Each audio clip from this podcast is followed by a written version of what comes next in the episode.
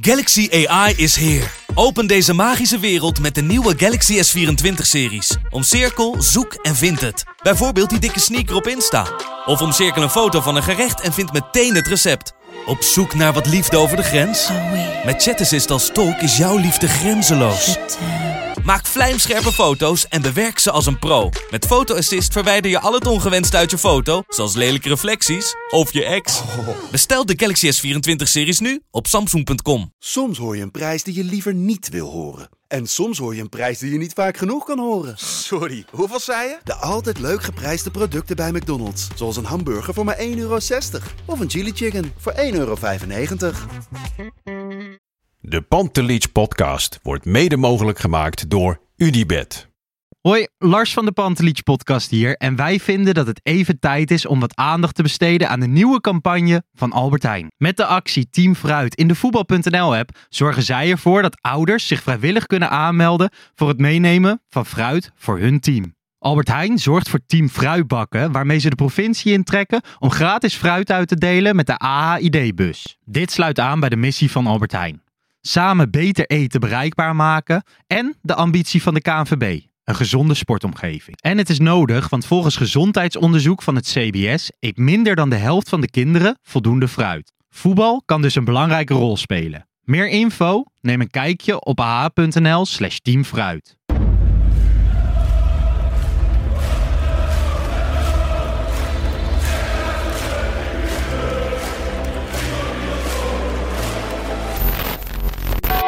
For me, they can have just lot of goals, lot of fun, and some some other things.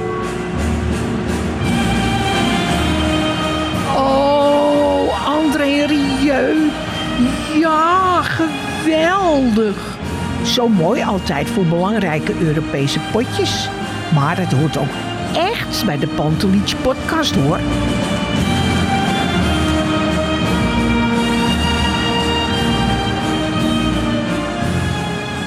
Het is woensdag 6 september. Tijd voor een nieuwe reguliere Pantelich podcast. In een iets andere setting dan jullie van ons gewend zijn. We hebben ons even moeten aanpassen aan de omstandigheden. Want eigenlijk zouden we een hele mooie gast ontvangen. Hadden we al aangekondigd. Maar wij vonden dat er zoveel speelt in Amsterdam. Dat we eerst met een gewone reguliere Pantelich podcast moesten komen. Niet met Kevin en Bart online, maar met Thijs Zwaagman op een bankje. Zo is het, yes. Je debuut eh, in deze studio.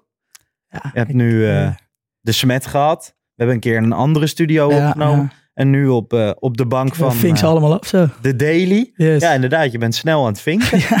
Nou ja, we hebben wat, wat Ajax-attributen in het decor gezet. Mooi shirtje. Handtekening van Edgar Davids erop.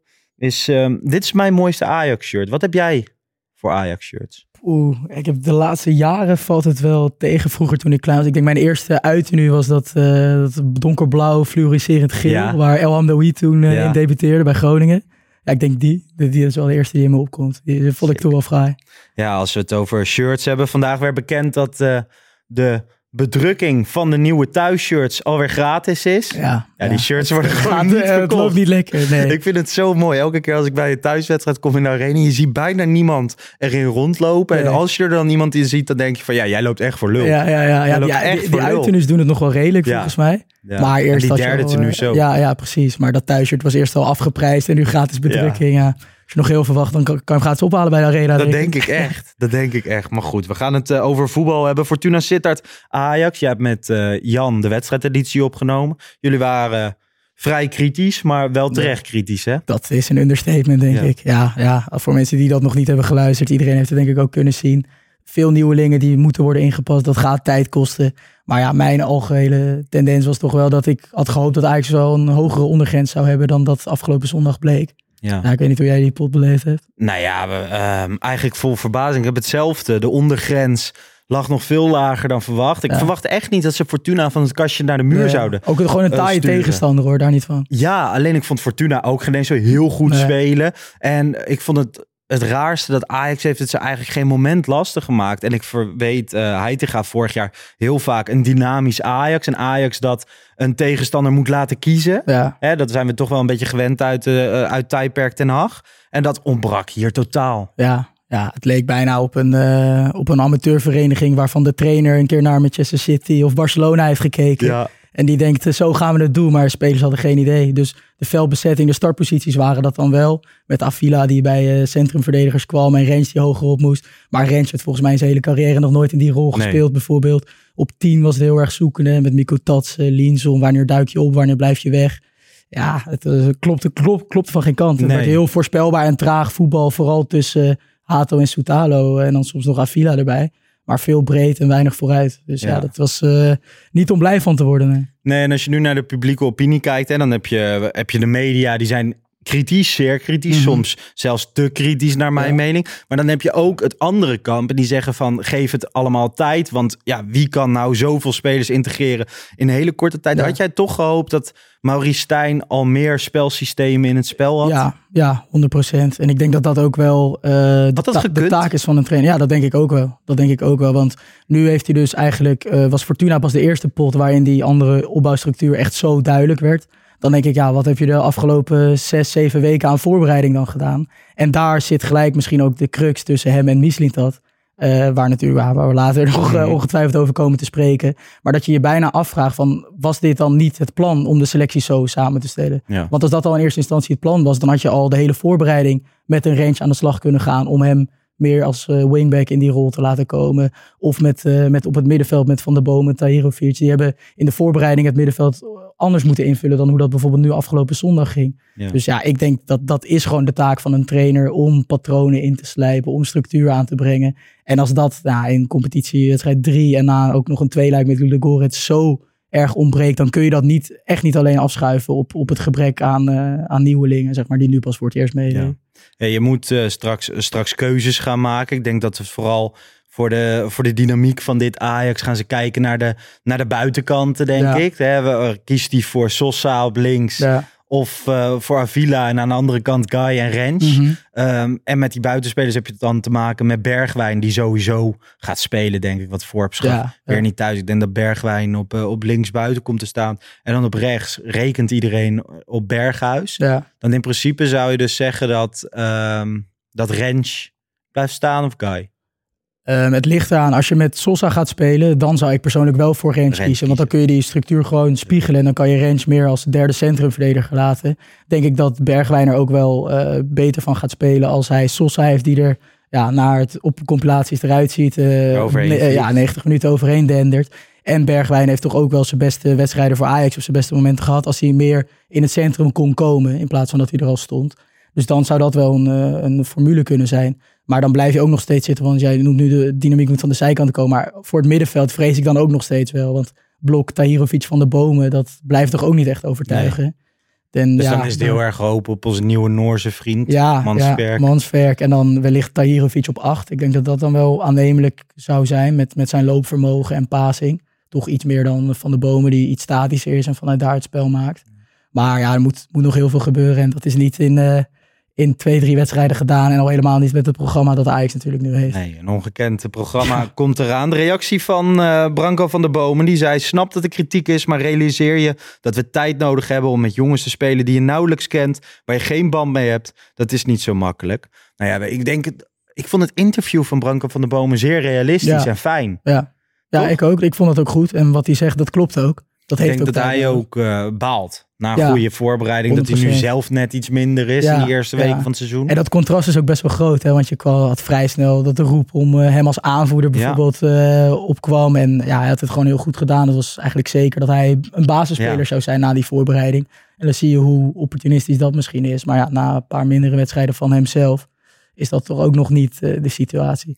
Nou ja, daarmee zeg je wel, ehm, hè, we gaan straks denk ik nog wel redelijk kritisch worden op, eh, op Maurice Stijn. Maar dit is dan wel een goede keuze geweest. Dat hij niet mee is gegaan in dat opportunisme en Branko van de Bomen bijvoorbeeld die aanvoerdersband heeft gegeven. Nee, dat is, dat is zeker een goede keuze geweest. En ik denk dat dat ook wel overtrokken was geweest. Omdat je, ja, zoals nu blijkt, je weet niet hoe een nieuwkomer het uiteindelijk eh, gaat doen als Ja. het er echt om gaat. Daarbij denk ik ook wel dat Van de Bomen eh, juist zo heeft geëxceleerd bij Toulouse in Frankrijk. Vanwege dat hij daar in zijn kracht werd gebracht. Dan kom je ook weer terug. Dat is ook een taak van een trainer. Dus het feit dat Van de Bomen nu tegen ploegen die zich ingraven. en eh, op een helft tegenstander dat er weinig ruimte ligt. dat hij dan tot nu toe niet uit de verf komt. dat is ook wel een scenario waar een trainer rekening mee kan houden. En dan moet je misschien ook met hem gaan schuiven. Ja. Wat hij dan tegen Fortuna wel deed, bijvoorbeeld in de tweede helft. Op een gegeven moment speelde Van de Bomen meer als ja, meest controlerende man. En toen zag je al dat die passing er weer veel meer uitkwam. Dat hij veel meer dan het spel voor zich heeft. Ik, Ja. vond, ehm, ik vond ook wel tegen Fortuna hoor, dat ze nog, nog veel vaker wel eh diepgang hadden mogen zoeken. Er lag Ja. best veel ruimte achter die Ja, verdediging. hij zag met die buitenspelgoal toen van Brobbey. Eigenlijk eh, in de blessuretijd Ja. de eerste helft. Ja, die, die ruimtes lagen er wel. En ook van iemand als Forbes verwacht je dat hij daar meer kan komen. Ja. Dus ja, is eh, veel ruimte voor verbetering. Brobby, veel besproken, Ja. werd nu gewisseld. Ehm, ik vond hem helemaal niet zo, zo matig. Nee, nee, ik vond hem ook, eh, ja, wat je zegt, ik vond hem ook niet zo matig. Ja. Maar uiteindelijk, ja, begreep ik ook wel dat hij eraf ging. Het, eh, achteraf Hij begreep het zelf niet, volgens wat, eh, mij. wat klachten. Nee, hij begreep het zelf niet. Nou ja, Nee. nu ook afgemeld bij Jong Oranje vanwege blessure naar het schijnt.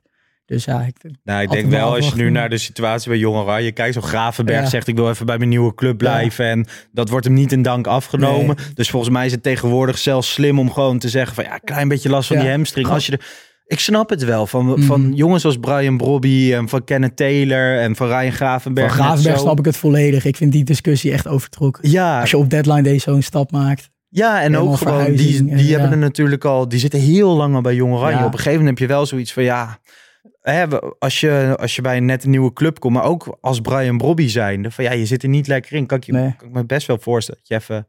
Ja, tenzij, ik vind het voor Brobby en Taylor bijvoorbeeld dan wel weer iets anders dan voor Gravenberg. Want het zou daar ook, je speelt Andere tegen, orde. weet ik veel, Noord-Macedonië of zo. Kan het ook lekker zijn om even twee, drie goaltjes mee te te pikken en met een goed gevoel weer terug bij Ajax te komen. Dat zou ik eerder denken. Maar goed, als hij geblesseerd is, is hij geblesseerd natuurlijk. Dat is waar. Ehm, even terug naar de wedstrijd. Sutelo was aanvoerder. Ja. Ehm, denk je dat Stijn, voor jouw gevoel, heeft hij te vroeg gezegd van Bergwijn is mijn aanvoerder? Ehm, nee, dat denk ik niet. Want het is natuurlijk ook wel ongebruikelijk om een nieuwkomer te benoemen tot aanvoerder. Daarbij begint ook op een gegeven moment, eh, begon het seizoen. Ja, dan kan je niet ingaan met, wat- ik kijk Nou ja, na een bijvoorbeeld kunnen wordt. communiceren van, nou ja, komen nog heel veel jongens bij. Ja. Voor nu is het bijvoorbeeld Berghuis Ja. ja. mijn eerste optie, maar die is de eerste drie wedstrijden geschorst. Dus daarna ga ik beslissen. Zoiets had je ja, kunnen doen. nee, ik had dat, dat had ik juist denk ik nog meer stuntelig gevonden. gevonden. Ja, ik denk dat je op een gegeven moment gewoon die duidelijkheid moet, moet geven. En Bergwijn ja, is op zijn manier een aanvoerder. Maar ik denk dat jongens als Berghuis en ook Soetalo niet minder, mindere leiders zijn in het elftal uiteindelijk. Je hoeft niet per se een aanvoerdersband om je arm Nee, te hebben om een nee. leider te zijn. Stijn heeft natuurlijk ook vaak gezegd, mijn elftallen hebben vier à vijf leiders. ja. Ja, met Sutelo is er wel zo'n eh, zo'n jongen binnengekomen. Wij moesten, eh, we hadden het vrijdag, waren we bij eh, FC Afkikken bij de deadline day. En hadden we het achter de schermen even over de werkethiek van Bergwijn. En dat je heel erg ziet dat hij de aanvoerdersband op heeft. Opeens eh, doet hij bepaalde sprintjes terug, Ja, gaat hij ja. mee verdedigen, terwijl hij dat vorig seizoen echt nooit Nee, deed. nee, klopt. Nee, dat was toen volgens mij na die eh, dag na die wedstrijd tegen Ja, de Ludogorets thuis. Ja, had hij nog Wijndal onder zich, die natuurlijk ook eh, niet overtuigend was. Nou, inmiddels weg is. Maar toen, ja, en eigenlijk vanaf het moment dat hij aanvoerder werd. Dus misschien, ja, is hij dan een speler die er juist garen bij spint en een beetje extra stimulans. En dat jongens als Bergwijn en Soetelo die band, of ze nou wel of niet dragen, dat zijn toch al eh, Ja. ja. meer leiders van natuurlijk. Berghuis. Of Berghuis, ja, sorry. Ja, oké. Ehm, we gaan heel even naar de stand kijken. En ja, heel eerlijk, als Ajax ziet is dat niet rooskleurig. We hebben die zomerupdates gemaakt met z'n allen. Ja. Vijf zomerupdates lang gezegd van, nou ja, 9 uit 3 moet ook met deze Ja. selectie mogelijk zijn. Is niet gelukt. Nee, nee, dat is een understatement. 5 uit 3. eh, Excelsior gelijk, Fortuna gelijk. Twee lastige uitwedstrijden die, ja, naar mijn mening, had je die ook met deze Ja. selectie moeten winnen. En ik denk dat dat de belangrijkste, belangrijkste nuance is. Ik zeg ook niet dat Ajax flitsend voetbal had moeten spelen, want dat kan je niet verwachten. Maar met de individuele kwaliteit die nog steeds voorhanden is en die nog steeds veel beter is dan de tegenstanders die je nu hebt gehad, had je wel natuurlijk overal, gewoon, al is het minimaal, gewoon punten Ja. moeten pakken. En je creëert gewoon niks. Nee, nee, en dat is echt wel schrikbarend. Ja, tegen, Ja. Voor, tegen Fortuna uit. Zo weinig Ja. expected goals. Dat gebeurde ook niet in de tijd dat het Nee. heel slecht ging onder, onder Schreuder. Hè? En Nee, ook niet die tweede seizoen zelf onder Ten Hag. Dat het een stuk minder Klopt, ging. klopt. Je, je creëerde eigenlijk nog altijd best wel veel expected Ja. goals. Maar goed. Ehm, een rampweek met die vreselijke 0-1 tegen Ludo Gorets. Ehm, en ja, en hierna staat gewoon eh, Twente, Ajax, Ajax, Marseille, Ajax, Feyenoord op het programma. Ja. Dat trap je af vanaf de elfde plek. Ja, succes. Ja, hoe kijk jij richting die week? Ja, zorgwekkend. Ook eh, als je de lijst hebt gezien van internationals die nu weer uitvliegen, zijn het qua A-internationals valt het nog wel mee, maar ook bij heel veel belofteploegen, volgens mij eh, Jong Kroatië, Ja. Jong Noorwegen, Jong Portugal. Ja, eh, is Ajax op, eh, weer een stuk of 11, 12 spelers gewoon kwijt. Dus het is ook niet dat je de komende weken kunt gebruiken Kunt om wel die, bouwen. die patronen in te slijpen. Nee, helemaal niet. Nee, En hoe- dan, eh, ja, ik weet niet, wij, weinig vertrouwen toch? ga er maar aan staan. Ja. En ja. dan eh, zeg maar, en nu, ehm, nu is het al crisis met een kleine, hele kleine C, denk ik. Maar ja, als je die drie wedstrijden niet wint, dan komt de drukte echt volle bak op te ja, staan. Nou ja, te beginnen überhaupt al met Twente. Als je daar Twente uit. Als je daar gewoon met 9 wint. uit 3 ja, begonnen. Hè? Ja, ja, Die selectie staat keurig. Ja, hebben ja. veel volwassen jongens. ja. Nee, we weten dat het in de golfsvesten kan het, eh, Kan het eh, stormen. kan het stormen. Dat is misschien een cliché, maar dat is wel. Ik heb daar vaak genoeg in dat uitvak gestaan. Als die goal tegenvalt. Nee, dat heb ik vaker gezegd in de podcast. En die goaltune gaat luiden. Dat is verschrikkelijk. Dat is vreselijk. Maar goed, ehm, ja, ik vrees wat, eh, wat dat betreft. Ook de loting. Hè, hebben we ook nog helemaal niet besproken Ja. in de podcast. Marseille, Marseille, Brighton en AJK Athene. Ja, valt ook niet mee. Denk Zeker eh, niet. de zwaarst mogelijke in de Europa League eigenlijk. Ik vind het als, eh, als supporter, moet ik wel heel eerlijk zeggen, een prachtige loting. Ja, Eh, ik zat helemaal niet te wachten op drie Oostblok ploegen waar je dan makkelijk doorging, weet je wel. Ik, ik bedoel, Ajax gaat op dit moment in geen enkele pool denk ik heel Nee, makkelijk nee, door. nee. Maar ik vind dit nog wel ehm, net genoeg cachet hebben dat ik denk van ja, kijk wel naar al die Ja. wedstrijden uit. welke, welke vind je het beste, zeg maar qua uitpot ook? Eh, nou ja, Marseille schijnt dus gewoon echt heel gevaarlijk Ja. te zijn. Hè. We, Feyenoord is daar. we- die vonden dat gewoon echt heel lijpen, wat ik hoor van, eh, van de Feyenoorders. Ehm AJK Athene herinneren we ons Ja. natuurlijk allemaal nog van die vliegende molotov cocktail richting het eh, uitvak. Dat je Ajaxide een beetje zag wegduiken. Dat was ook eh, geen pretje. Ehm, en ik vind Brighton, ik vind Engelse uitpotten altijd gruwelijk. Ik ben er nog nooit geweest. Brighton Nee. schijnt een super, eh, super leuke stad in elk geval te zijn. Niet de allermooiste. Dus daar ga ik sowieso wel heen. En ik denk dat veel Ajaxiden daarop gaan inzetten. is een groot uitvak. Marseille en AEK was er volgens mij ook nog niet helemaal bekend. Of Nee, klopt. de uitsupporters Klopt, klopt. mogen. Maar eh, ja, Brighton, dat, dat wordt wel dik. Die- Dat moet hem zijn. Ja, ik vind, ik vind uitwedstrijden in Engeland zijn gewoon gruwelijk. Vorig Ja. jaar ben ik naar Liverpool geweest. Rangers valt in hetzelfde. Ja, ja. Dus eh, ja, en ook qua voetbal, zeg maar, een beetje een atypische Engelse ploeg. Je ziet Ja. die trend wel steeds verder Ja, doorgaan in de, in de Premier League. En ik denk dat dat wel heel vet is. ja, je speelt daar echt twee tegen. eh, aanvallende ploegen. Die, Nou ja, die je ziet daar ook gewoon, daar zie je heel erg de hand van de Serbi. Ja, En die verkopen ook voor echt honderden miljoenen. Maar Ja. die hoor je niet klagen. Nee, en er komen nee. weer nieuwe jongens. Ja. En dat past die weer allemaal ja, zo in. Ik snap heus wel dat de renovatie bij Ajax allemaal iets moeilijker is. Alleen, eh, ja, we mogen wel kritisch zijn op, eh, op. Maurice Stijn. Ja. Want, eh, Eens. nou ja, goed. laten we even naar die hele, hele nou ja, hoe noemen we het inmiddels? Soap al? Is het al soap? Stijn ik tegen denk het Michelin? Ik denk het wel. In de eerste weken van het seizoen spreken wij eigenlijk van een, ja, een, duidelijk, een duidelijk blok. Mhm. Toch? Ze waren gewoon met z'n tweeën, gingen Ja. ze ervoor. Ja, vanaf het eerste moment. Eigenlijk toen vanaf de aanstelling van Stijn. Toen eh, in een van die zomerupdates hebben we dat ook besproken. Hoe Ja. dat, dat ons allemaal best wel vertrouwen gaf. En dat je... Niemand begreep die aanstelling. En na dat die was het enige waardoor dacht ik dacht van, Ja. nou ja, Maurice Stijn, he's Ja. the man. Ja, ja. Gewoon als Michelin dat, want het is echt niet. Ik vind Michelin dat gewoon eh, goed overkomen. Mhm. Het is echt niet dat ik een super groot fan van hem ben. Ik ken hem net zo min als, als de rest van Nederland. Maar ik heb wel zoiets van: oké, als je iemand aanstelt, dan moet je hem de kans geven. Dan moet hij ze aankopen gaan doen. Dan moet hij zijn trainer gaan aanstellen. Toen stelde die Stijn aan. Toen Ja. dacht ik eerst ook: fuck, wat is dit? nou? Ja, ja. Maar ja, zijn persco was meer dan keurig. En Stijn, die committeerde zich daar heel erg aan. Het leek, wij gaan dit met z'n tweeën doen. Ja. Nou, als dat dan al in speelronde drie kapot Ja. valt. Dat, is, dat is onbegrijpelijk. En, Heb jij eh, ook dat jouw vertrouwen gewoon van best wel hoog, weet je wel, of zie je het, Ja, het was al iets, ja. iets gezakt, optimisme, dat dat echt heel veel gezakt is. Ja, enorm, enorm. En dat had ik eigenlijk al in die zin dat ik eh, in de voorbereiding het spel van Ajax best wel zorgwekkend vond. Tegen zeg maar ploegen van een beetje niveau. Tegen de Augsburg. amateurs wonnen ze wel. Ja, Augsburg, eh, Dortmund. Anderlecht, Dortmund. Dat, daar zag je, het, het ging ook met fases hoor, maar in grotendelen van wedstrijden zag ik daar nog niet het Ajax, of in ieder geval de uitgangspunten die je graag wil zien. Maar dan kan je nog zeggen, dan speel je met Precies, aardsen precies. Ja, dat, dat, soort dingen. zeker, zeker. Maar toch is daar wel zeker een voorbereiding waar je zo intensief met je selectie aan de slag gaat. Ja, ik heb vaak dan Ten Hag als referentie. Daar zag je gewoon een lijn en een elftal ontstaan. En in ieder geval spelpatronen en, en, een, en een tactisch idee. En dat vond ik best wel al ontbreken bij. Mag ik vragen, want ik weet gewoon, hè, we luisteren veel of kijken veel Mhm. mensen naar ons. Eh, sommige mensen die lijnen en patronen in Ja. spel, tactische dingen. Wat houdt dat nou precies in? In zo'n ja, voorbereiding? Het is, het is natuurlijk heel breed, maar, maar eh, ja, voetbal is gewoon een spel van tactiek. Dus dat begint al in balbezit bij de keeper eigenlijk. Ja, hoe stel je je op? Eh, hoe beweeg je met het middenveld? Waar positioneer je je aanvallers? In die zin er is natuurlijk omschakeling, zowel nadat je de bal hebt gewonnen als nadat je de bal hebt verloren. Daar kun je heel veel mee doen. En in het, ja, als het balbezit tegenstander, zijn er ook heel veel accenten te leggen in hoe hoog zet je een tegenstander vast. Of zak je juist heel erg in, ergens daartussenin.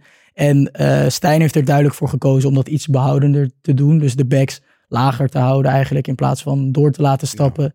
En uh, meer met, met in het druk zetten. De aanvallers druk te laten zetten. Ja, precies. En, en dat, is een, dat is een keuze waarmee je eigenlijk tegenstanders naar de, de zijkanten dwingt. Omdat het daar dan uh, minder gevaarlijk zogenaamd zou zijn. Terwijl dan ook uit statistieken blijkt dat je in de as van het veld juist vaker de bal ja. wint, bijvoorbeeld.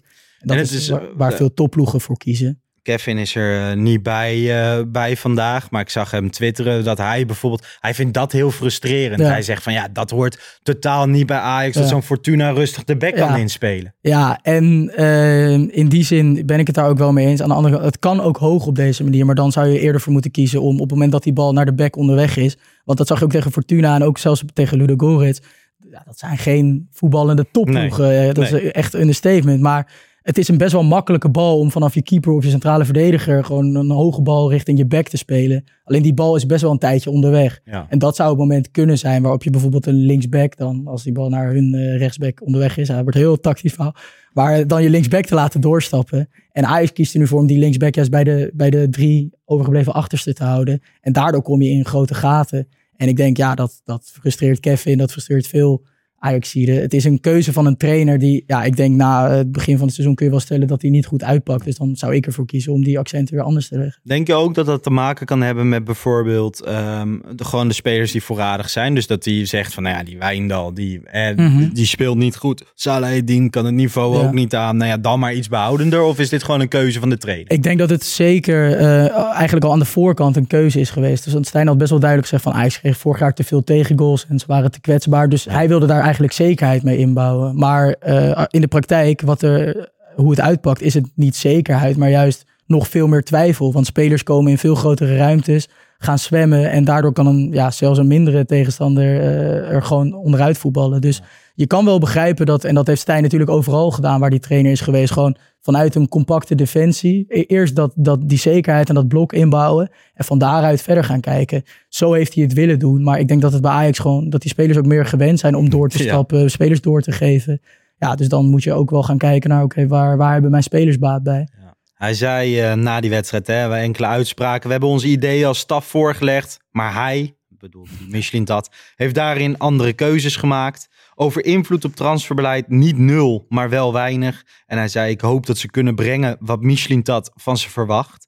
Uh, nou ja, het voelt natuurlijk enorm als afschuiven, ja. indekken. Um, je zag niks meer van, van dat team. Nee. Ik vond Michelin dat zowel voor die wedstrijd bij Christian Wielaert van ESPN. Keurig interview. Bij Bas van Veenendaal eerder ja, in de week ook. bij Ziggo Sport. Keurig interview. Maar hij viel hem hier enorm af. En ja, ik, ik kan toch wel zeggen dat de hele publieke opinie uh, tegen hem is gekeerd. Dus ja. het heeft totaal niet gewerkt nee, voor hem. Nee, en ik denk dat hij dat zelf juist heel anders in zijn hoofd had gehad. Ja. Nee, toch? Ik, waarschijnlijk heeft hij gedacht van resultaten vallen tegen. Hij zal intern ook wel voelen dat de druk toeneemt. En misschien dat spelers niet geheel ook achter ja. de manier van spelen staan. Dus hij, hij, voelt misschien zijn aanzien afbrokkelen. En dan ja. denkt hij, ik moet mezelf eventjes uh, in het zadel helpen. En eigenlijk het, het, effect is natuurlijk averechts. Want iedereen heeft zich, uh, of nou, iedereen, maar veel mensen hebben zich nu tegen hem gekeerd. En eigenlijk uh, heb je nu twee kampen, een soort van Mislintat uh, of Stijn. Terwijl het laatste waar een club in opbouw, dat Ajax op dit moment is, natuurlijk baat bij heeft, zijn die, is zo'n ja. interne machtsstrijd tussen een trainer en een technisch directeur. Ja, en ik kan nog steeds niet, ik heb er lang over na zitten denken, maar ik kan me gewoon niet bedenken wat wat Stijn had verwacht. Wat voor effect ja. hij hiermee zou creëren. Ja, nou waarschijnlijk. Dus of was hij te eerlijk? Mm, heb ik ook nog, sluit ik ook nog steeds niet uit. Hoor. Want ik vind hem sowieso eigenlijk heel erg eerlijk in al zijn presentaties. Ja. Hij, ook als het gaat over transfergeruchten, ingaat of uitgaan. Hij zegt gewoon eerlijk van uh, die en die willen we hebben. En uh, we hopen dat het rondkomt. En af en toe bevestigt hij al een transfer die dan nog niet eens door Ajax is bevestigd. Ja. Dus in dat opzicht is hij heel eerlijk. Maar Stijn is ook gewoon een trainer die natuurlijk wel jarenlange ervaring in de voetballerij heeft. En dan weet je ook dat het voor onrust gaat zorgen als jij openlijk je, ja, je, je technisch directeur gaat afvallen. Dus wat dat betreft had hij ook tactischer moeten zijn. En ook uh, ja, het werd ook ergens gezegd van stel dat eh, Ajax eh, met moeite wel had gewonnen, had hij dan deze uitspraken ook gedaan? Kun je ook nog uh, vraagtekens ik bij denk zetten het natuurlijk. niet. Ik denk het ook niet. Dus, Terwijl bijvoorbeeld bij, hè, want er, ik zag ook hier en daar de vergelijking gemaakt worden met Schreuder vorig jaar Ja. na die wedstrijd tegen Ja. Excelsior. Ja. En die wonnen ze natuurlijk dik. En Schreuder ging die uitspraken sowieso doen. Wat er ook was gebeurd, klopt, ging, klopt. Die, die had ze gewoon op een die werd er toen briefje. niet eens naar gevraagd. Nee, en toen begon die opeens uit zichzelf. kijk, die persconferentie, dat iedereen naar elkaar ook aankeek van wat, wat, wat doet hij nou? Ja, en dit is misschien dan eh, te eerlijk, maar het heeft voor een hele, hele hoop Ja. onrust gezorgd. Ik denk dat hij er zelf ook van geschrokken is. Ja, Ehm, en hoe je het ook went of keert, de technisch directeur zit altijd net iets steviger in het zadel ja. als een trainer. Ja, want die technisch directeur is voor de langere termijn. En een trainer die moet op kortere, op kortere termijn natuurlijk presteren. Maar ja, om die parallel met eh, Schreuder nog even door te trekken naar Stijn, dan zie ik toch gewoon daar twee onzekere trainers. Die, die voelen dat, dat het een beetje aan het wegglippen is. Ja. En eh, ja, ook zo'n Schreuder die wilde toen natuurlijk na 7-1 tegen Excelsior even duidelijk zijn gelijk halen. En Stijn die wil denk ik nu even een statement afgeven van de verwachtingen zijn onrealistisch. Of ik denk dat het daarop neerkomt. Maar dan had hij dat moeten zeggen. Ja, dan had hij ja, moeten ja, zeggen van ik en eh, Michelin ja. zijn samen super Ja. hard aan het werk. Ik Ja. op het veld. Ja. Eh, Sven probeert zo goed mogelijke Ja, spelers aan te leveren. Ik weet nog niet Nee. hoe goed ze precies zijn. Want ja, ik ben gewoon bezig met de jongens die er al waren. Ja. Want dat antwoord, bijvoorbeeld Ten Hag, dat had je wel kunnen dromen. Die had gezegd van ja, ik weet het niet precies. Ik heb ze niet helemaal gezien. Maar ik was bezig met de spelers die er al wel waren. Dat en aan de andere kant de, de vakidioot die Ten Hag is, denk ik dat hij precies had geweten wat hij aan die spelers zou hebben. Ook aan die nieuwelingen. En ik vind dit ook een beetje, al is het begrijpelijk, je, weet nooit hoe een speler zich bij Ajax aanpast. Maar om nou te zeggen, ik weet niet eh, of ze goed genoeg zijn en ik moet het allemaal nog maar zien. Ja, je weet Ja, donders gewoon- goed wat voor kwaliteiten die jongens hebben. En daar moet een plan bij zijn in hoe je die gaat inpassen. Nou ja, het leek bijna. Ik maakte vorige week ergens een keer een grapje van. Nou ja, misschien moet Maurice Stijn wel een smoelenboek hebben op de training. Maar Ja, het, na deze uitspraken. te het echt twijfelen. Misschien zou het hem goed doen. Ja, nee, precies. Nee, klopt, klopt. Ehm, nou ja, goed. eh, laten we even die eh, transfers gaan doornemen. Want het was natuurlijk een super drukke zomer. Ik moet heel eerlijk zeggen, bij sommige aankopen heb ik ook mijn twijfels. Dat zal, zal jij ook hebben. Ja. Ik ben echt niet bij iedereen overtuigd. Ehm, maar goed, Michelin Tat heeft een aardige renovatie achter de rug. Vanochtend nog nieuws. Wijndal naar Royal Antwerp Ja. Voetbalclub. Ja, maar ik denk dat dat heel goed is. Totaal overbodig geraakt natuurlijk. En ja, sowieso van Wijndal of Salah een van die twee moest eigenlijk nog wel vertrekken. Want Ja, eigenlijk gast- allebei. zelfs eigenlijk allebei, maar van Salah kan je misschien nog in jong wat potjes laten spelen. En als er een keer iemand geblesseerd is, zou het nog kunnen dat hij doorschuift. Ja. Maar Wijndal, ja, ik denk dat hij bij Ajax totaal overbodig was. En toch ook met een dik salaris dan wel weer op de begroting drukt. toch wel eh, grappig dat eh, Overmars hem dan wel pakt. Ja, hè. Die wilde ja. natuurlijk al meerdere transferperiodes bij, eh, bij Ajax Ja. hebben. Heeft het vertrouwen in hem. Nou ja, d- d- het kwam er allemaal niet uit, maar geeft hem Ja. wel weer een kans. Het zegt Ja. wel iets.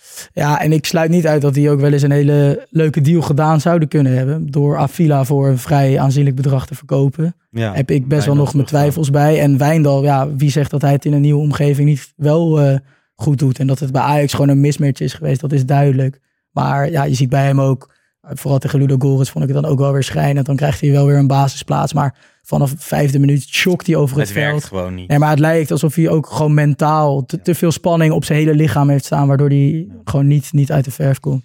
Laten Dus, we hopen ja. dat het hem goed afgaat Ja. in eh, Antwerpen. Want ik wens hem het eh, beste wat dat betreft. Eh, Avila en Sosa gehaald voor, voor die positie. Je zegt zelf, je hebt twijfels bij Avila. Ja, ja, en dat is wel natuurlijk een iets behoudender eh, back. Eigenlijk ook misschien meer zelfs een centrale verdediger.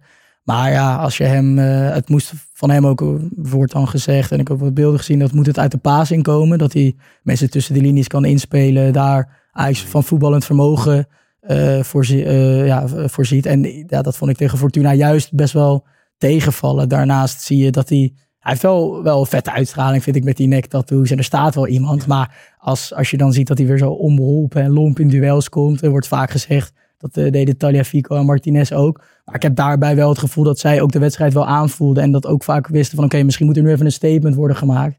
En Avila vind ik het denk ik meer onkunde dan dat het echt... eh, Kan ja, dat gaan komen? het, het zou wel kunnen komen, want het blijft natuurlijk een hele jonge jongen. Maar ik had meer, als ik voor mezelf spreek, gehoopt dat hij op een niveautje verder zou zijn. En zonder hem nu na één wedstrijd voor de bus Af te te gooien en af te schrijven. Want het, we hebben ook bij, eh, bij zowel Alvarez als Martinez gezien dat die ook pas na een langere periode echt een meerwaarde voor Ajax hadden. Ja. Dus, maar ik werd daar niet direct enthousiast van eh, zondag. Op eh, Transfer Deadline Day eh, de verrassing, Sosa. Ja. Ik keek naar de foto en ik dacht, hé, hey, dit is Thijs Zwagerman profiel. Ja, Toch? voordat hij naar de kapper was geweest. ja. ja, ja, ja, ja. Voordat je naar de kapper was geweest. Nee, ja, het, eh, het leek er een beetje op. Ja, ja. Wat eh, weet je van hem of echt helemaal niks? Nee, ja, wel dat het dus veel meer dan Avila een, eh, een wingback is. Die, die wel het liefst 90 minuten over die linkerkant dendert. Goede traptechniek heeft.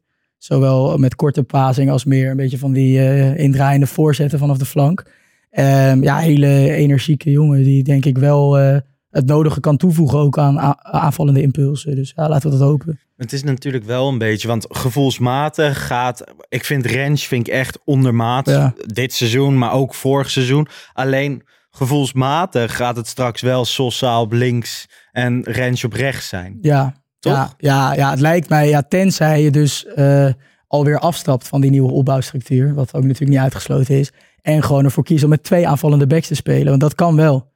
En Met Sutelo en Hato kan je Ja. met best veel ruimte ja, in de ja, rug dat zijn, spelen. dat Dat, zijn is niet snelle gek. gasten. En ik vind dat centrum ook wel echt, eh, dat stelt hè? me heel tevreden. En daar zit ook nog veel meer potentie in. Ja, dat is gewoon heel betrouwbaar. En dan zou je lekker met Guy en Sosa natuurlijk wel kunnen aanvallen. En dan misschien twee echte controleurs opstellen. Die dan wel ook een paas in de benen hebben. Want je wilt niet twee van die eh, schoppers daar hebben. Dat is, past ook niet bij Ajax natuurlijk. Maar dan zou het wel kunnen. Het is zo, ehm, want wij kunnen, we kunnen nu wel vier opstellingen maken Ja. waarvan we denken van, nou ja, dit, dit zou kunnen, dit is Ja. complementair aan elkaar. Je hebt heel veel verschillende soorten, soorten spelers. Nou ja, even snel door die belangrijkste aanwinsten heen. Sutelo, 20 plus miljoen. Mika Tatsen, 16 plus miljoen. Van de Bomen, 0.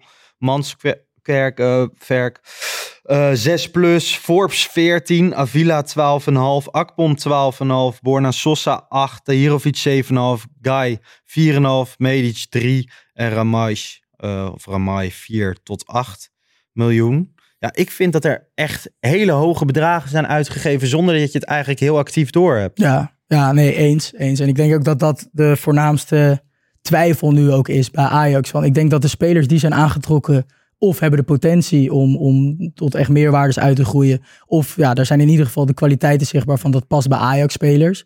Eh, maar vraagtekens zijn wel ook voor mij die hoge bedragen. En dat is ook, denk ik, over Mislintat nu, nu het grootste punt. Van dat het een goede scout is, dat was al bekend. Maar is het ook een goede dealmaker en onderhandelaar? En ja, dat zal de tijd moeten uitwijzen. maar- Gevoelsmatig is er veel geld uitgegeven. Ja, en heb ja. je ook wel gewoon, als je naar andere transfers kijkt eh, in Europa, maar Ja. misschien ook wel in de Nederlandse top.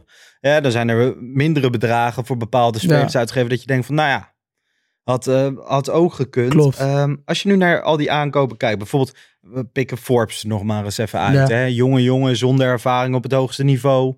Een betere links dan rechts buiten. Ja. Ik, ik denk dat Stijn ook wel had gedacht van ja, voor die 14 miljoen had me dan een echte rechtsbuiten gegeven. Ja, klopt, klopt. Aan de andere kant denk ik ook dat hij een beetje, bijvoorbeeld hoe Neres en Anthony overkwamen, ook relatief onbekend voor grote bedragen, die toen ook gewoon de tijd hebben gekregen om te wennen. Dus ik denk dat Forbes ook meer in dat Schaduw licht van Bergwijn. ja, moet worden gezien en op termijn dan uiteindelijk eh, Bergwijn wellicht kan opvolgen. Dat zou een logisch Ehm, verhaal zijn als je op rechts ook gewoon twee opties hebt. klopt, maar dan kan je wel weer gelijk ook de kanttekening plaatsen van is dat eh, dan de aankoop die je deze zomer had moeten doen? Ja. Waarin de prioriteit erop ligt om een nieuw team te bouwen. Tuurlijk moet je ook met de toekomst bezig blijven, maar op linksbuiten heb je ook nog eh Gods en Van Axel Dongen die daar Ja. wellicht klaarstaan. Dus dan kan je daar ook volgende zomer wellicht naar kijken. En nu eh, 14 miljoen wel uitgeven aan een rechtsbuiten. Ja, want die ontbreken eh, wel in de selectie. Die ontbreekt en je hebt zelfs Conceição nog laten gaan Ja, op die ja, allerlaatste dag. Terug naar eh, FC Porto. Ja, ik had het toch wel, hè, die Portugese pielenmuis zoals eh, Kevin altijd zegt. Ja, die had ik er dan in deze selectie toch nog wel graag bij gehad. Ja, en ja, daar had toch ook gewoon nog een rechtsbuiten bij gemoeten. Gemoeten, Toch? ja. Dat, Dat, is heel eh, gek dat je op transfer deadline deze echt je eigenlijk er moet nog eentje bij. Ja. En dan gaat er eentje weg. Ja, Nou goed, heel, heel bijzonder. Zeker omdat als je naar de jeugd kijkt, is daar ook niet echt nee, eh, nee, nee. wat te vinden. Ehm, dus het, zou, het zal tussen Mikotats en eh, Berghuis gaan. Ja, ja nou, en ter verdediging van Stijn, daar zal ook wel een groot deel van zijn frustratie zitten. En dat Toch? is En terecht. dat is Alleen dan had je bijvoorbeeld ook gewoon kunnen zeggen van ja, nou ja we, hebben Ja. twaalf nieuwe spelers. Ja. hartstikke blij mee. Super benieuwd wat ze allemaal kunnen. Ja. Maar ik had graag nog Ja. een rechtsbuiten Ja, gehad. ja. Die heb ik nu niet. Nee, precies. Precies. Want ja, voordat je het weet, eh, ik, ik zag die selectie en ik dacht straks gaat hij nog 5-3-2 spelen ja, of ja, zo. Ja. Maar ja, dat kan natuurlijk niet bij Ajax. Nee, ja, dat krijg je dat weer over je heen. Ja. Terwijl ja, misschien dat hij op papier wel beter zou passen. Als je kijkt naar, eh, Naar de de, kwaliteiten die nu ja voorhanden zijn. zeker. Eh, als je naar al die aankopen kijkt, bij wie heb je dan je grootste twijfels? Ehm, ja, toch wel bij, bij Avila, denk ik. Als Ja? ik er eentje, eentje moet uitpikken. Ook omdat de aankoop van Sosa daar gelijk overheen kwam. Ja. En dan denk ik, ja, dan heb je dus links, als je Avila als centrumverdediger ziet, heb je Hato, heb je Kaplan, die over twee, twee maanden waarschijnlijk fit is. Die eh, ja, naar de verhalen op het moment dat hij fit was wel een goede indruk heeft gemaakt. Ja. Ja, is het dan nodig om, om 12 miljoen neer te leggen voor iemand die ook bij Antwerpen niet volledig heeft overtuigd? Want daar zijn ze er ook niet heel rauw omdat hij is vertrokken. Nee, daar was, eh, was hij wel geliefd onder het publiek, omdat het gewoon zo'n strijder Ja, was. En dat gaat prima. bij Ajax ook wel Ja. zo zijn, maar om de voetballende Voetballend kwaliteit en uiteindelijk het bedrag Ja. en zo, denk ik dat ze...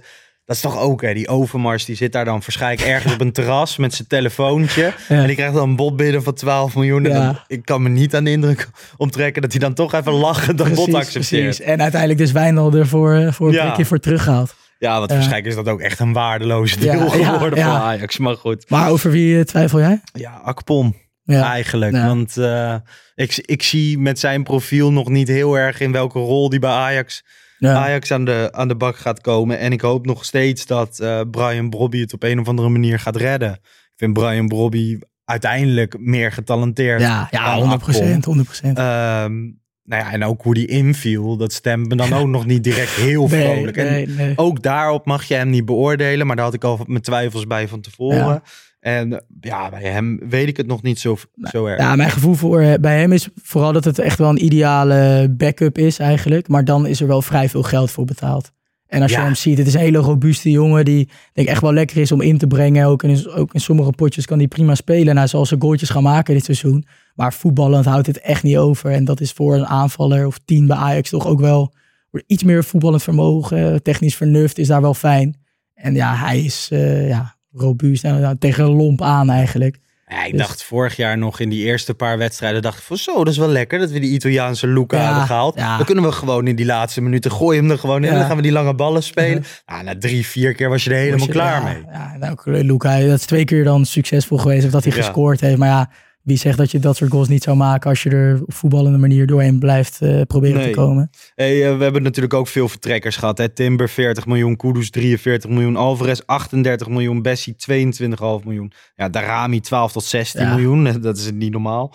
Ehm, even kijken. Regeer, Grilic, Tadic vertrokken, Stekelenburg, Wijndal, Baas, Unifor, Concessao, Sanchez, Fitzjim, Rasmussen, Piri en Ja, Luca. ook nog. Ja, wat een lijst. Ja, superveel vertrekkers waarbij je nog steeds wel kan zeggen van zo, zo'n Dusan Tadic had je in dit op dit moment hopeloze elftal er Ja. toch wel lekker bij gehad.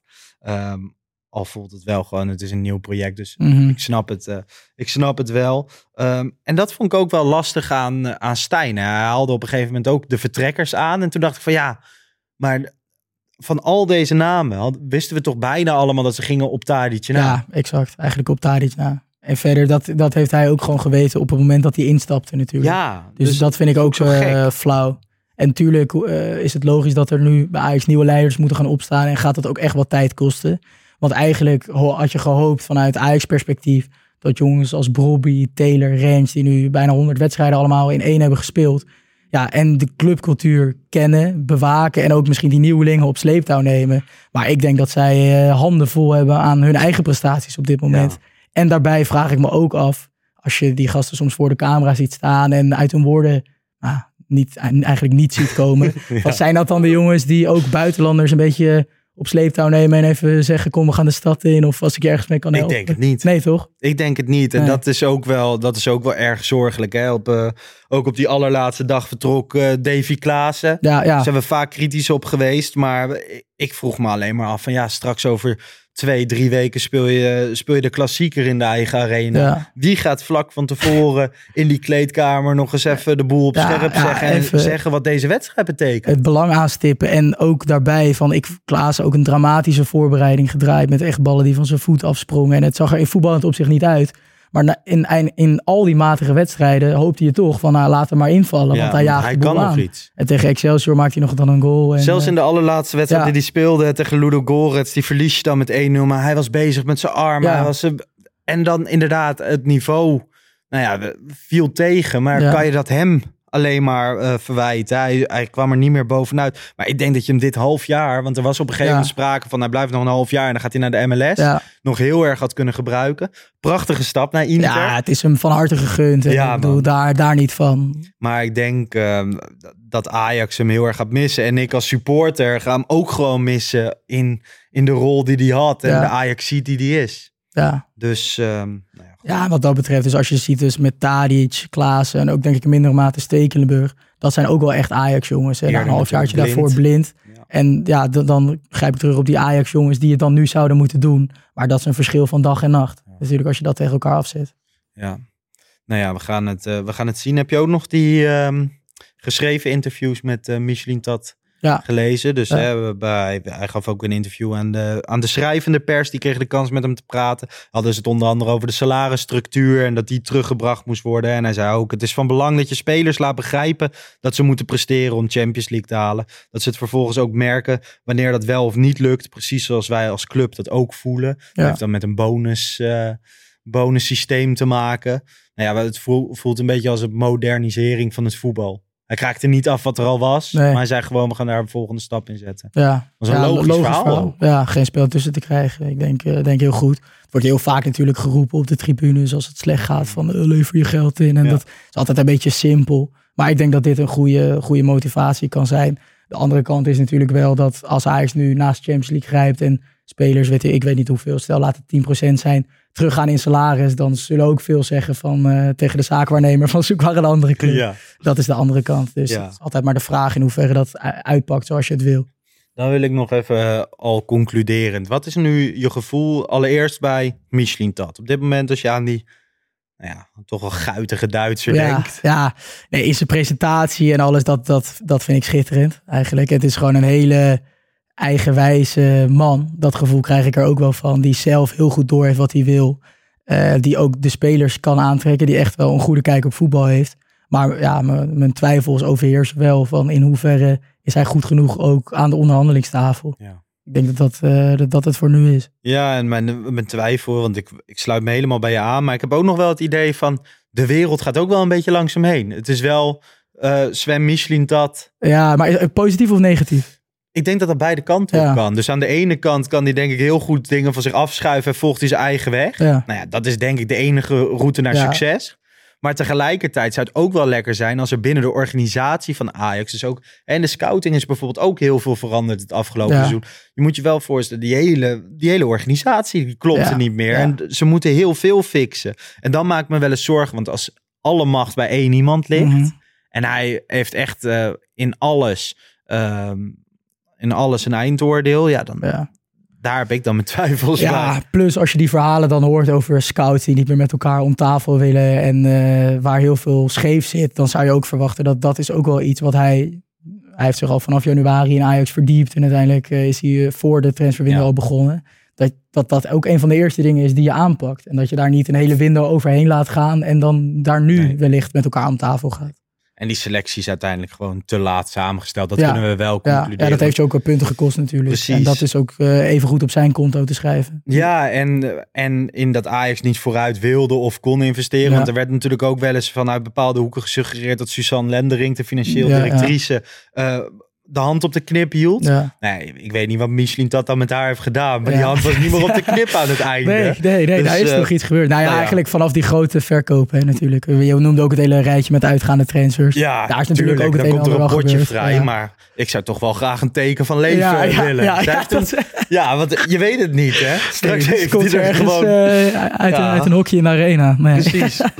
Ehm, even kijken. En wat is je gevoel bij Stijn op dit moment? Want dat is bij mij veranderd afgelopen Ja, weekend. Ja, ik was al, eh, al, Sceptisch. al sceptisch en dat is er natuurlijk niet minder op geworden. Hoe kan hij dit gaan herstellen? Ja, Hoe gaat hij deze publieke opinie draaien? Want nu wordt het moeilijk. ja het wordt heel hij heeft moeilijk. het echt verpest. Het wordt, eh, hij heeft het echt verpest. En ik, ja, ik, het is, klinkt het misschien heel ver om te gaan als ik zeg dat het misschien hem niet eens meer gaat lukken. Ik, ik ja, Maar zou jij zeg maar als, als verantwoordelijke bij Ajax op dit moment zelfs nadenken van ja, misschien is dit hem gewoon niet. Ehm, ja, om eerlijk te zijn wel. Ja? Om eerlijk te zijn wel. En het is, denk ik, ja, ik, ik zou hem zeker er nog niet uitgooien. Maar ik denk dat je wel kritisch moet gaan kijken. En ook wel in deze interlandperiode kan evalueren met hem. Van, oké, wat is je idee met het elftal? Hoe, wat zijn de poppetjes die jij straks voor ogen hebt? Wat voor spel wil je daarmee gaan spelen? En daar, daar moet dan op een gegeven moment wel, wel iets uit gaan komen. En dat moet meer zijn dan, eh, dan wat hij tot nu toe ook, ook vertelt. Hè? Want we hebben het vanaf de, toen de eerste persconferentie al gezegd... van voetbal inhoudelijk hield het toen allemaal niet echt over. Nee. Eh, ik heb na Ludo Goretz een interview van hem eh, gezien bij Ziggo. Dat op een gegeven moment wordt, ge- vertelt hij zelf van de eerste tien minuten begonnen nog goed en daarna zakt het weg. En dan is de vervolgvraag van eh, waar- waarom zakt het dan weg? Dan zegt hij, is zijn eerste reactie? Geen idee. En daarna herstelt hij zich een beetje door te zeggen van ja, spanning bij de spelers en de Europese avond. Maar En- nooit iets tactisch. maar ik wil dan toch even iets voetbalinhoudelijks horen. En dat ontbreekt er echt wel te vaak aan. Dan heb je wel een klein beetje wat je natuurlijk, ehm, wat je ook bij, bij Heitinga had en wat je hem Ja. vaak hebt eh, verweten. Nu wordt er wel gezegd van ja, voor het tactische moeten Ja. we bij Maduro zijn. Ja, En, En- die komt natuurlijk niet voor de camera, dus nee, ja. nee, eens. Maar goed, dan nog denk ik dat eh, spelers ook wel... Kijk, uiteindelijk maakt Stijn de opstelling. En moet Ja, hij het eh, ook uitleggen aan vertellen. jongens die ernaast staan. En als je, als je dat gesprek met je spelers niet aan kan gaan... of dat spelers merken dat daar niet heel veel achter zit... ja, dan denk ik dat dat bij een topclub als Ajax eigenlijk niet... eh, niet, niet, niet, niet stand kan houden. En daarmee ja, hoop ik echt dat hij het om gaat keren hoor. Want ik vind hem, en dat hebben we hier ook al vaker besproken, het is gewoon een guitige Hagenees die nuchter is. En die presentatie kan ook super werken op het moment dat het Ajax dat het wel Het goed heeft loopt gewerkt natuurlijk. Ja, het heeft want hij gewerkt. had Ja. echt gewoon, Ja. nou ja, het grote deel, het gros van de Ajaxide was zoiets van, nou ja, ik, Ja. ik weet niet hoe goed hij is, maar Nee. leuke Ja, vent. voordeel van de twijfel, Ja. omdat het gewoon een leuke En gast had hij best wel een tijdje kunnen volhouden. Ja, ja, Ik denk eens. zelfs dat hij het over die drie wedstrijden had kunnen heen trekken. Zelfs als dat gewoon totale malaise was geworden. Maar gewoon met een duidelijk verhaal samen met Michelin dat. Alleen ik ben er nu van overtuigd. Van gaat deze drie wedstrijden, stel je verliezen alle drie. Ja. Dan is het gewoon, dan is het klaar. dan is het klaar. En dan, dan moet het ook klaar zijn, gezien dan het programma en het aantal punten dat Ja. je hebt gehaald. Want al had je deze drie dus met slecht spel wel gewonnen en dan de volgende drie verloren, dan was er ook nog geen man overboord. Want dan kan je teruggrijpen op het proces en we hebben tijd nodig. Maar ja, nu, en dat eh, zeg je Mhm. goed, heeft hij gewoon zelf voor olie op het vuur gegooid. En in plaats van de, de druk een beetje weggehaald, alleen maar laten toenemen. Dus ja, dat, ik denk dat hij zich nog wel een keer achter de oren krabt eh, deze dagen. Ja, eigenlijk eh, ieder jaar denk ik dat het met die Pantelic podcast allemaal niet extremer kan. Nu is Ja, veel ja, 103 ja, zeggen van, nou ja, nog een paar wedstrijdjes en dan kan de trainer er zomaar uitleggen. Ja, ja, het is Ehm, geen gek scenario. Vandaag werd bekend dat, eh, dat Alex Kroes pas op 15 maart 2024 kan instappen. Jan van Halst wordt aangesteld als tijdelijk algemeen directeur. En ehm, zou Jan van Halst, die zat natuurlijk op de tribune de afgelopen wedstrijden, was er gewoon. Maar zou die nou vandaag op zijn eerste echte dag dan eh, lekker een bakje koffie zijn gaan drinken met en Michelin dat? Ja, je mag het hopen, toch? Dat is Dat het enige, juiste. ja. ja, ja. Ik hoop dat die koppen bij elkaar Ja, zijn gestoken ja. vandaag. En in dat opzicht, je kan veel zeggen over de aanstelling van Van Halst. En ja, als bestuurder heb ik ook wel eh, met twijfels bij hem gezien wat hij in het verleden allemaal heeft gedaan. Het is niet allemaal eh, even. Twente. Ja, ja. Maar ja, communicatief is het natuurlijk wel, eh, wel echt een goede man. En kan die ook wel eh, verbindingen leggen. Dus ja, laten we het hopen dat eh, die drie even om tafel zijn gegaan. Hij heeft geen, geen tekenbevoegdheid gekregen. Ehm, je kan ervan uitgaan dat hij geen extreem grote beslissingen moet gaan nemen. Het is natuurlijk, er wordt ook dan wel eens gesuggereerd. Volgens mij werd dat in de Telegraaf podcast gesuggereerd. Dat je, dat je dan net zo goed geen algemeen directeur hoeft aan te stellen. Want de transferperiode is afgelopen. Nou ja, volgens mij is voor die transferperiode vooral Michelin dat Ja, verantwoordelijk. ja. Maar moet er natuurlijk ook heel veel aan dagelijkse Ja, leiding gebeuren. En is het wat dat betreft wel handig dat Ajax gewoon een tijdelijk algemeen directeur heeft. En toch? ik denk in dat opzicht ook dat eh, bijvoorbeeld Menno Gele nog steeds veel, eh, veel zal aanpakken. En dat nog steeds veel op zijn bordje ook komt. Hij zou dat al gedeeltelijk als een interim basis doen totdat er een opvolger Van de Sar zou zijn. Want je kunt je ook van Van Hals, die is nu ook pas een paar maanden in dienst. Kun je ook niet verwachten dat hij in één keer eh, alles overneemt. Maar ik hoor dan ook nog wel eens van, nou ja, wa- waarom blijft hij dan niet gewoon lid van de RVC, maar Ja. doet hij precies wat hij nu doet? Maar een RVC-lid, de- ja, die besteedt een paar uurtjes Ja, per week aan precies. Ajax. En een algemeen directeur, die is niet 40 uur met zijn Nee. club bezig, maar die is gewoon nou, 60 en in dit Ajax 80 uur per week met ja, zijn club absoluut. bezig. Dus ik denk dat dat ook het belangrijkste verschil is. Ja. En hij zal ook eh, wat beter verloond worden Ja, voor, ja, voor die ja. vele uren. Nou ja, wat dan ook weer ook. logisch Ja, wat terecht is. Ehm, ja, dan gaan we eens even kijken waar we dan naartoe gaan. Ja, we zouden natuurlijk een gast hebben vandaag. En ehm, eerlijkheid gebied ons te zeggen, Die hebben we ook. die hebben we ook. Eh, we gaan hierna direct door Ja. naar de studio in de Smet. En dan komt eh, Ricardo van Rijn aanschuiven. Ehm, die aflevering komt volgende week online. Dat hebben we besloten. Nou ja, zoals gezegd in de intro, er was genoeg te Ja, bespreken. blijkt nu al. om dat eerst eens even op te pakken. Hè. We nemen nu al eh, weer eh, een aardige tijd op. Maar vanochtend werd bekend dat Ajax een nieuw traject gaat beginnen. Ja. Onder, de, onder de vleugels van Menno Gele gaan er vier in opleiden. Ja, ja.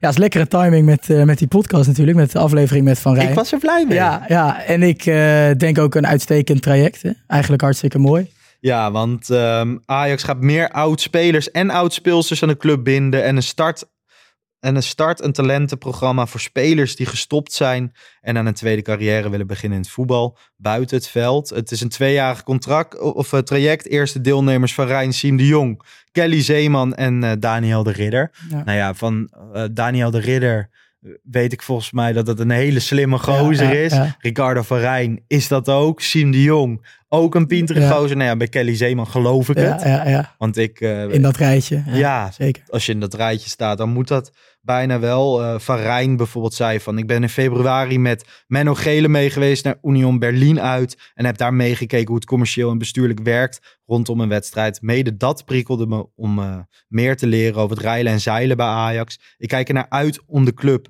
van verschillende klanten, kanten te leren kennen. Ja. Dat is echt vet, want tot nu toe hebben ze gewoon gezegd van ja, als jij na je carrière trainer wil worden, kom Mhm. lekker op de toekomst. en dan ja. mag je bij de onder de 15, dan ga je, nou ja, ik denk geen eens dat ze de ballen oppompen, maar wel de pionnetjes neerzetten.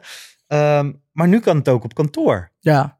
ja, en hartstikke goed. Je hebt natuurlijk met, met Van der Sar en Overmars gezien hoe waardevol het kan zijn als je iemand met zakelijk verstand en een, en een grote voetbalcarrière eh, toevoegt aan de zakelijke kant van Ajax. Wat natuurlijk gewoon- ook gewoon een bedrijf is.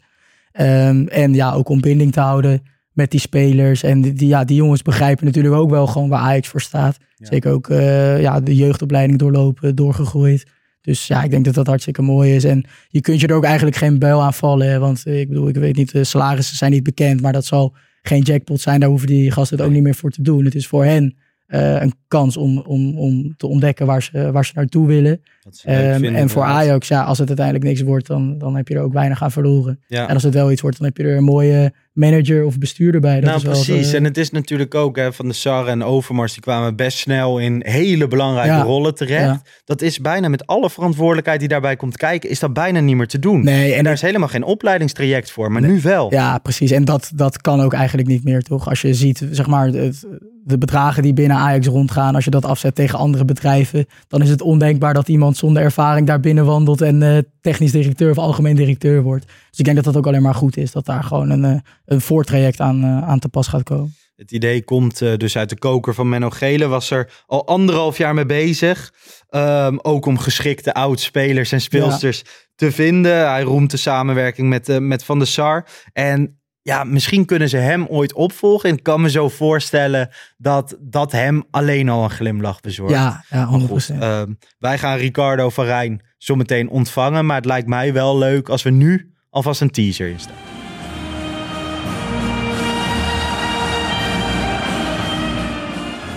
het einde van je carrière naderde. Je was op een gegeven moment clubloos, wist niet meer of je een club ging vinden. Dan ga je er toch over nadenken. Wat, Ja. wat wil je daarna? Veel jongens gaan het veld op, in de, in de jeugd meelopen. Ja. Jij wist dat je dat niet wilde. Nee, nee. Eh, sowieso niet de ambitie om ooit trainer te worden van een eerste elftal. Ja.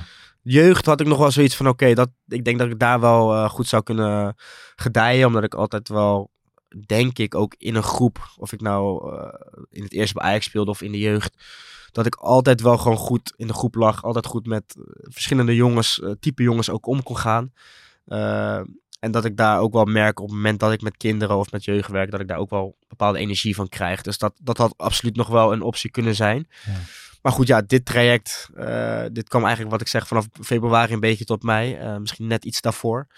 Dat dit een beetje eh, ja, in de wandelgang eh, aan, aan de hand was. Ja, voor mij dan dus uiteindelijk op het perfecte moment.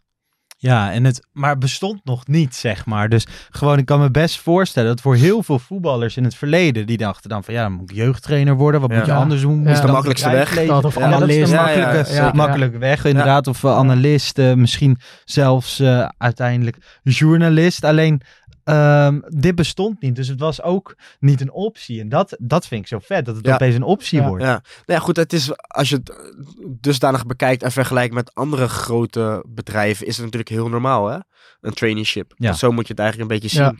Eh, of dat nou bij, bij een Shell is of bij een Heineken, is dit natuurlijk ook aan de gang. En daar, ja, dat is een beetje wat hetgene waar, waar ze ook naar, naar hebben gekeken. Ajax is meer dan een voetbalclub alleen natuurlijk. Het is natuurlijk een enorm bedrijf. En ik denk dat ze daar ook eh, en, en zelf de ervaring mee hebben met, eh, met een Menno die dat ook misschien zelf al eh, eh, doorlopen heeft. Ehm, dat ze dat dus nu ook ja, in het tak van bedrijf Ajax zo wilde, wilde Ja. inspelen.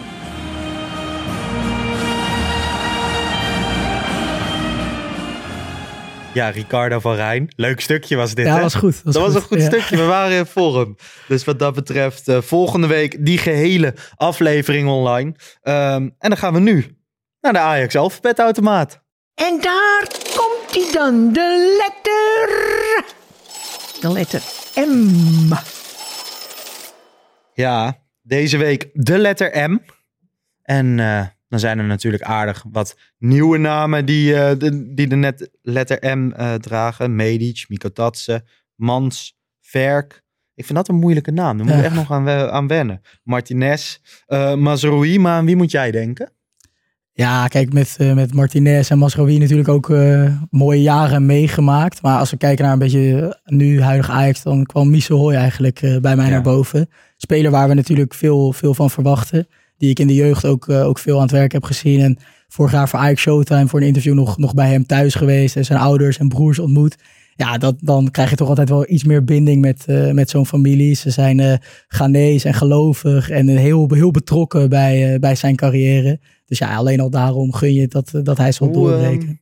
ehm, ik heb daar een paar vragen over. Was het dan zo, dan mocht je hem niet spreken, maar Ja. dan mag Ja, je de familie dat mag je natuurlijk wel benaderen, Ja, want die moeten zelf weten wat ze doen. Dus je komt daar thuis en eigenlijk is de hele familie er behalve hij. Ja, ja, ja, nee, hij was alleen over om gedachten te zeggen en toen ging hij ook weer weg. Toen ging hij weg. En eh, ja, hij, eh, ja, dan kom je echt bij hem thuis in, in Amsterdam-Noord.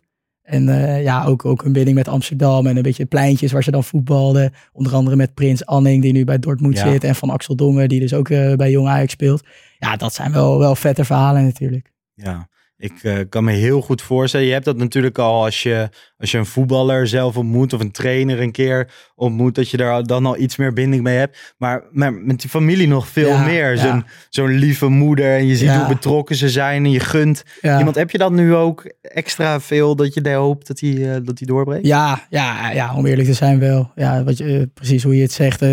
trotse ouders en hangen daar shirts in de woonkamer en bekers die hij als onder 13 speler van Ajax heeft gewonnen en dat soort dingen. Eh, daarbij kan ik het ook nog wel altijd objectief bekijken. En is het niet zo dat ik nu zeg dat Miso op 10 bij Ajax 1 eh, moet spelen. Want voor mijn gevoel ook moet hij het gewoon nu even een tijdje bij Jong nog over een langere periode laten Hij zien. doet het nu goed, Hij doet maar, het goed, maar blijft dat, vooral ja, doen. Ja, zeker. En eh, is de keuze dan gek dat er op dit moment gewoon voor Linson bijvoorbeeld dan wordt gekozen? Nee, ja, ik zie daar soms wel eens op Twitter of zo mensen Ja. een beetje omstijgeren. Want Missouri is het grotere talent en dat vind ik ook. Maar we moeten niet vergeten dat Linson al bijna twee hele seizoenen in Jong heeft gespeeld. Ja. Zeker eind vorig seizoen daar gewoon uitstekend heeft gedaan. Ja, dan is het niet gek dat hij nu iets hoger staat in die pi- eh, pickorde. Daarbij kan het ook heel snel gaan natuurlijk. Ja, die, ehm, die automaten vorige week waren Kevin en Bart natuurlijk aan de beurt. Dus ehm, die kwamen altijd met namen uit, eh, nou ja, echt uit de prehistorie of zo. verleden, dus ja. speciaal voor hun eh, Benny McCarthy. Ja, Toch? ook mooi. Ook, Precies, ja. ook mooi. Ehm, jonge Ajax verloor weer eens 2-1 tegen MVV. Uh, Misoy scoorde wel. Ehm, ja, je hoopt toch wel dat ze gewoon wat punten gaan pakken een keer. Ja, ja klopt, klopt. Tegelijkertijd, ja, zeker lastig. En ik denk ook wel dat dit tot aan de winterstop toch een beetje de situatie is. Dat je qua resultaten zult blijven kwakkelen. Want het is gewoon heel jong. Weinig spelers met echt al veel ervaring op, op profniveau.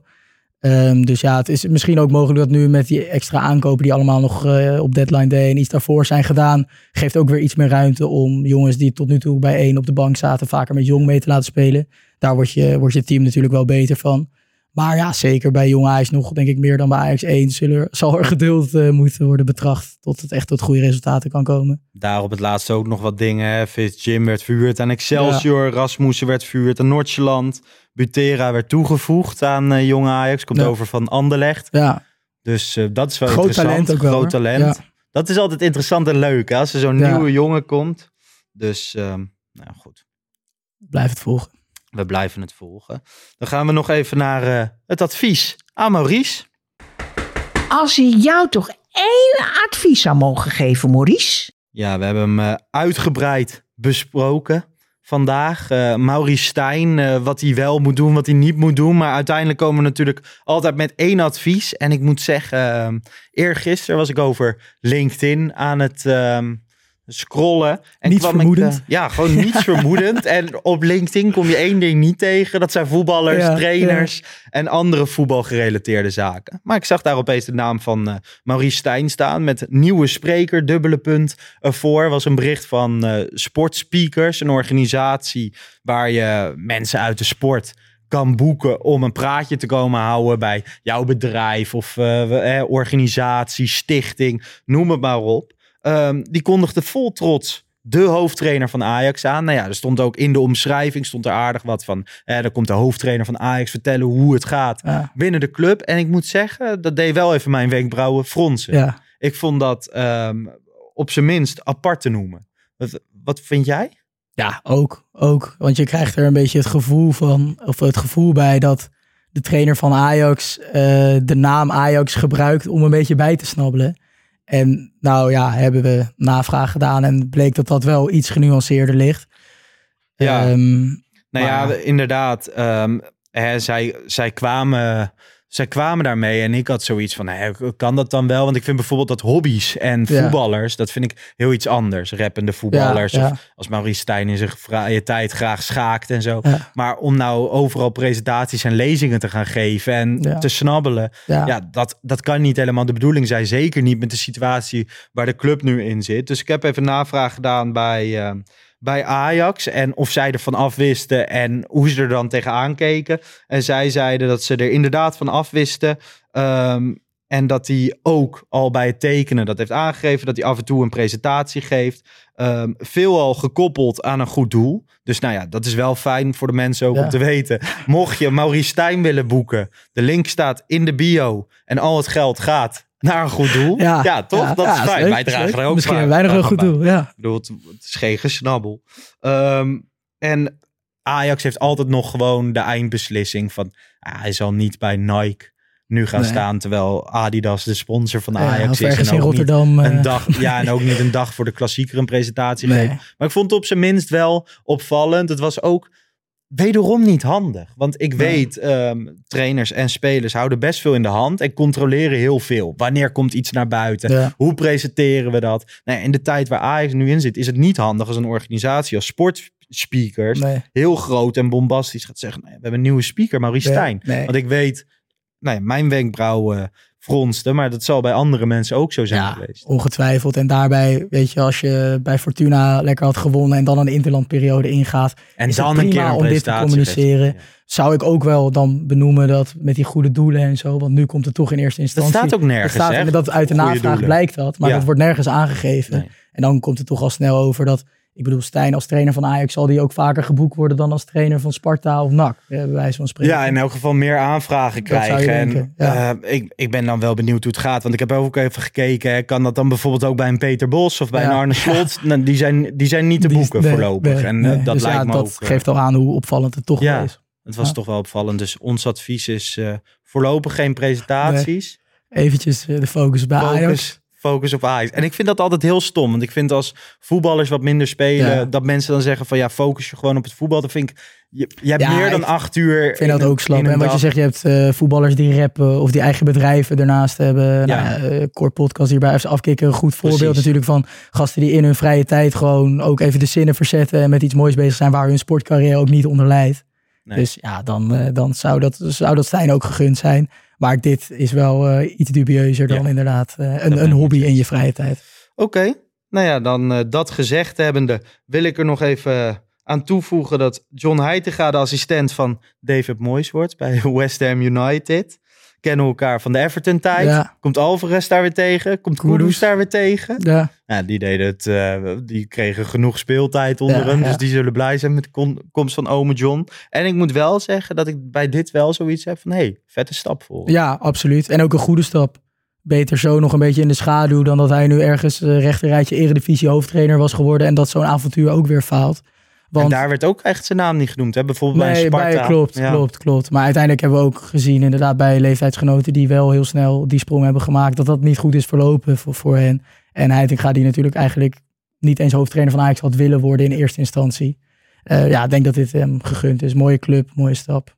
Precies. Ja. Dan sluiten we daarmee af voor nu. Volgende week zijn we er dus met de special met Ricardo van Rijn. Misschien wel de toekomstig algemeen commercieel technisch directeur. Wie zal het zeggen? Wij gaan het het eh, hemd van het lijf vragen. Wat wil je echt gaan vragen? Waar ben je echt benieuwd naar? Eh, ja, toch wel waar nu zijn meeste ambities liggen binnen Ajax. Waar die, als hij het nu zou moeten zeggen, waar hij denkt dat hij gaat eindigen. Ik ben daar wel benieuwd naar. Ik ben wel benieuwd of hij... Ken je nog dat filmpje dat hij daar in die catacombe stond bij Feyenoord? Volgens mij had hij die klassieker beslist. En toen liepen al die Feyenoorders zo langs die, Ja, ja, langs ja. die ruiten daar. En hij stond een beetje te lachen en te gniffelen. Maar ik wil toch wel weten of hij een klein beetje zenuwachtig was. want die ruiten waren toch niet zo dik.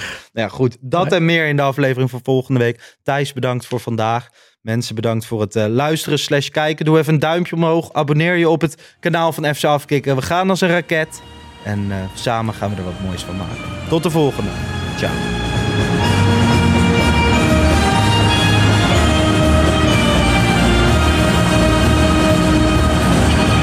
Let's go Ajax.